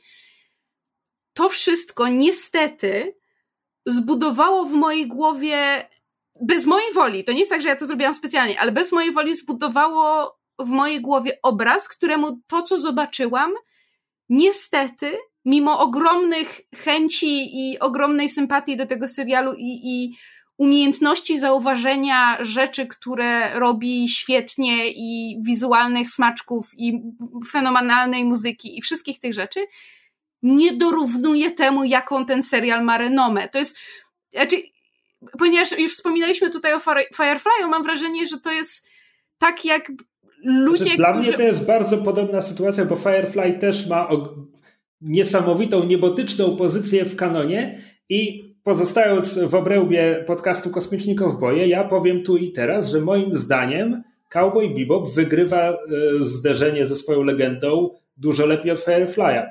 Jak, Shut jak, your face. Jak Firefly jest tak nudny wizualnie w porównaniu. Firefly ma świetnych aktorów i dialogi. I to, to jest znaczy, dla mnie to jest ja ważniejsze. Tak. Znaczy, ja się nad tym zastanawiałem ale, ale bardzo długo. Forma wizualna. Znaczy, ja nie jestem w stanie porównać tych seriali. Jakby byłem, jakby zastanawiałem się nad tym, bo jakby wiedziałem, że muszę coś powiedzieć na temat jakby porównania Cowboy Bebopa do Firefly'a. I tak jakby Firefly jest wciąż dla mnie jakby być może, że to jest też kwestia tego, że tak jak ty widziałeś Bebopa e, tych 20 mm, lat temu, e, to jakby... 20, praktycznie równo. No. Ja okay. sprawdzałem, kiedy to leciało no tak, na Kanal Plusie. Jasne, 20 jasne, lat temu. Jasne, no tak, tak, tak. E... jeden pies. No to jakby ja Firefly jakby Firefly'a oglądałem też jak byłem e, stosunkowo młody, znaczy to nie, nie, nie Firefly jest 5 lat po tym, po e, Cowboy Bebopie, cztery. Znaczy, e, Firefly'a widzieliśmy ja pierwszy raz mając lat 19-20, więc no właśnie, koło 15-16 lat temu. Na dużo innym etapie życia, ale mimo wszystko był serialem e, formatywnym. Nie wiem, czy to po polsku, czy, czy to jest kalka, czy można tak powiedzieć po polsku, ale um, ale oglądałem to um, na zasadzie, że okej, okay, takiego science fiction jeszcze nie widziałem. I bardzo możliwe, że po prostu wynika to z tego, że widziałem mało science fiction wtedy. E, jest, jest wiele powodów. Jakby, tak, wracając do tego po latach, Firefly ma dużo problemów, tak, jakby wizualnie nie dzieje się tam nic ciekawego. Znaczy, Joss Whedon jest reżyserem telewizyjnym i on potrafi tak. robić to, jak się robi telewizję i dlatego jak Avengers wyglądają, jak wyglądają, tak, czyli płasko tym, i nudno. A przy tym Firefly miał jakby budżet po prostu na, wiesz, na napoje i frytki, więc e, to też jakby wszystko było robione po kosztach i jak e, przy mimo wszystko, nawet jeśli robisz na małym budżecie, są sposoby na to, żeby e, wciąż stworzyć jakąś ciekawą formę. Znaczy Avengers to... mieli duży budżet i wyglądają jak teatr no, telewizji. Tak, nie jakby to działa w dwie strony. Są rzeczy, które można zrobić z małym budżetem, które zachwycają, a są rzeczy, które możesz mieć ogromny budżet i po prostu nie wiesz na co patrzysz. Um, więc jakby Firefly ma dużo, dużo różnych problemów, ale po prostu te seriale mają zupełnie inne za założenia, próbują robić coś zupełnie innego i mają zupełnie inne e, zalety i wady. Porównywanie ich można tylko sobie porównać na zasadzie, co, co wolę oglądać. Jakby na bardzo subiektywnym poziomie, ale na jakimkolwiek obiektywnym poziomie jakakolwiek taka analiza porównawcza tutaj się rozbije po prostu o to, że próbują robić coś zupełnie innego i w, y, mają mają zupełnie inne założenia. Znaczy mówisz tak, ale z drugiej strony oba opowiadają o grupce awanturników na statku kosmicznym. Oba trochę eksperymentują z gatunkami. Cowboy Bebop dużo, dużo bardziej niż Firefly, ale Firefly też czasem idzie w coś, w coś może nie horrorowego, ale przynajmniej ma kilka jumpscarów. Czasem idzie dużo bardziej w komedię niż, niż w innych odcinkach. Jakby Tak, ale Firefly skupia się na postaciach, na ich emocjach, na jakby opowiedzeniu historii o tych postaciach jakby poprowadzeniu ich od punktu A do punktu B.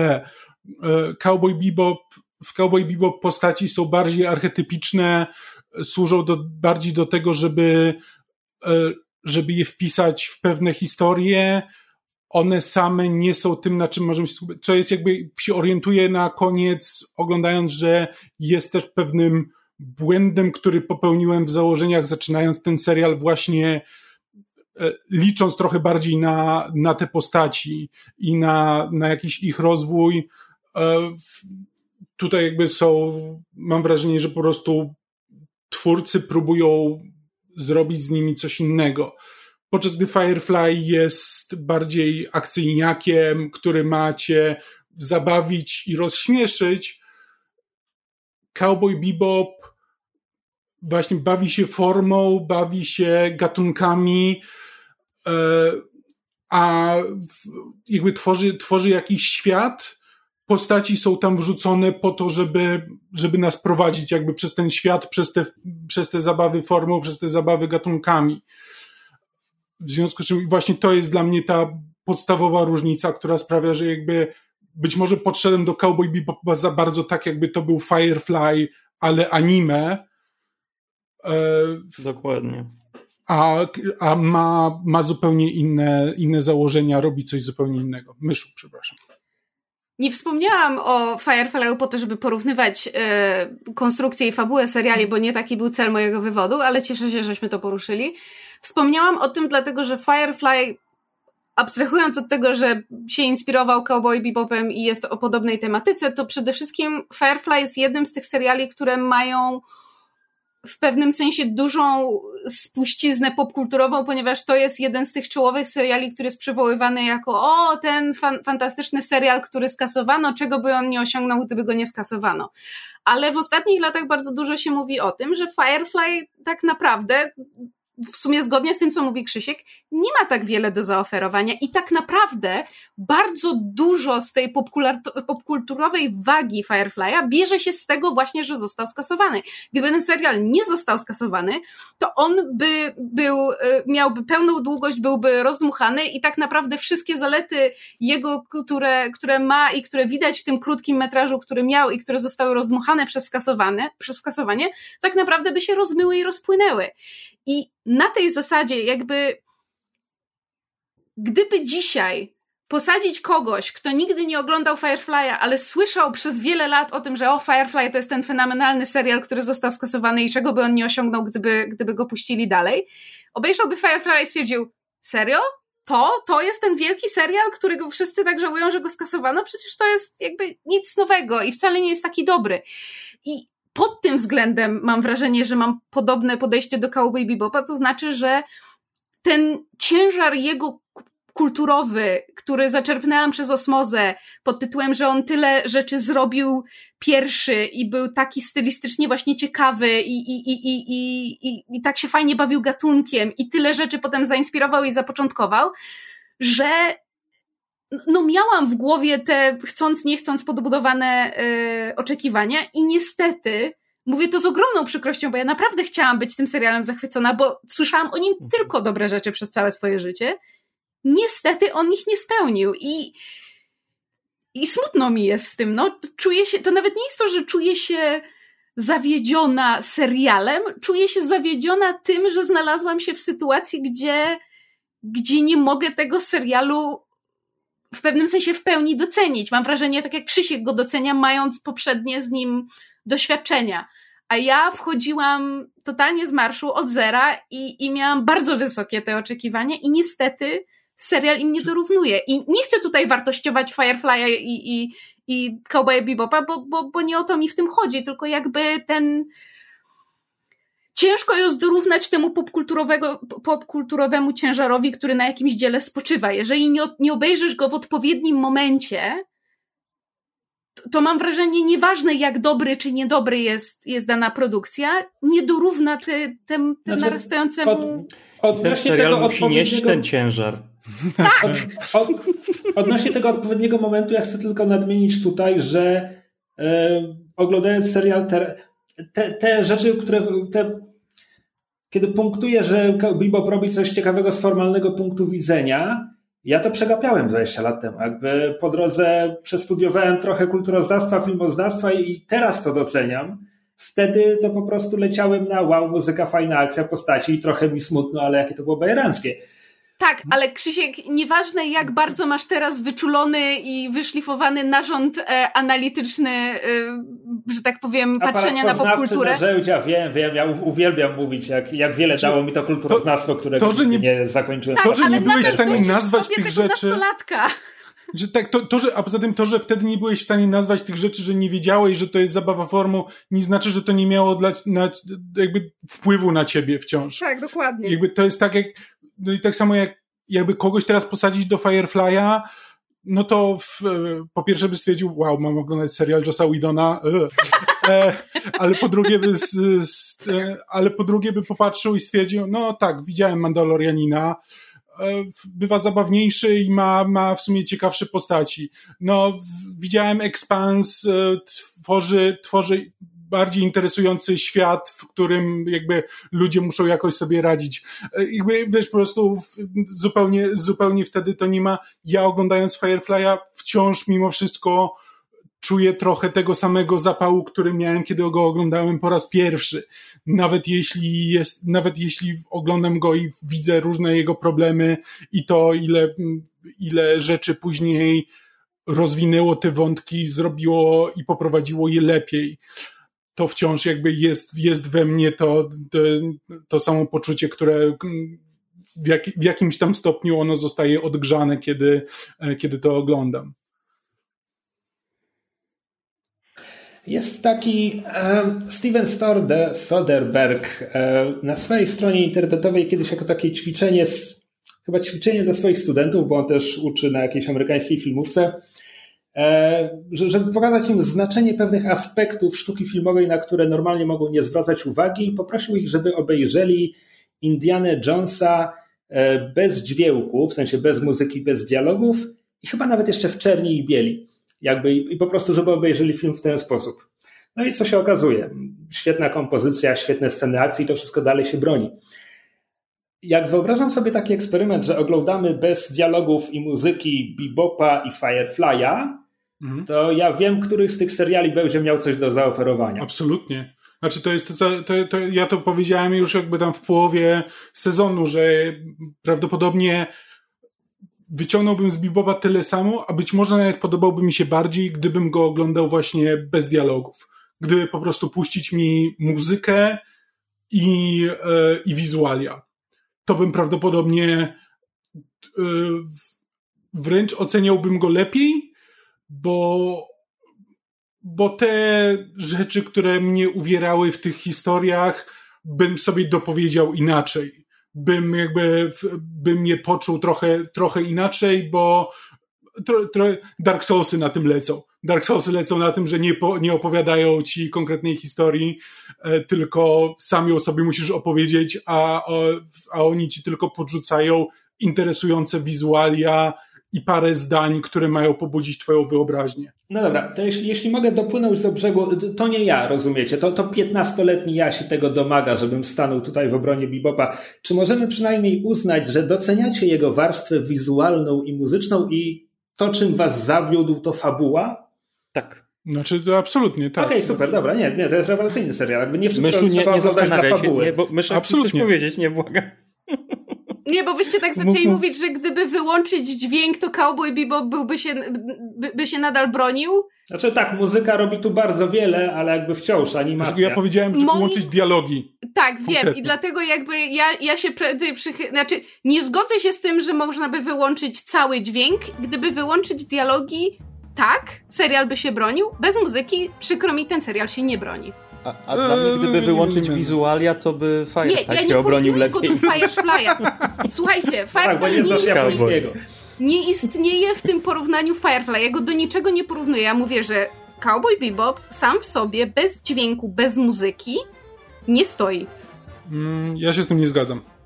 Proszę bardzo. Ja też się z tym nie zgadzam. Moim zdaniem jakby animacja sama w sobie jest tutaj... Tak jest tak to jakby stoi jedna, na własnych dwóch nogach. Jedna z lepszych animacji, jakie, jakie widziałem. Jakby szczególnie, jakby, szczególnie oglądając to teraz.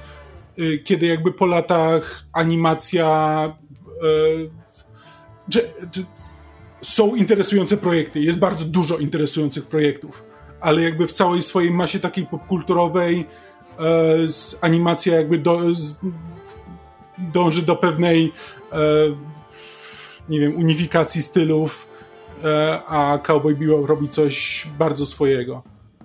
No ale no czekaj, mówisz o zachodniej animacji, a nie o anime.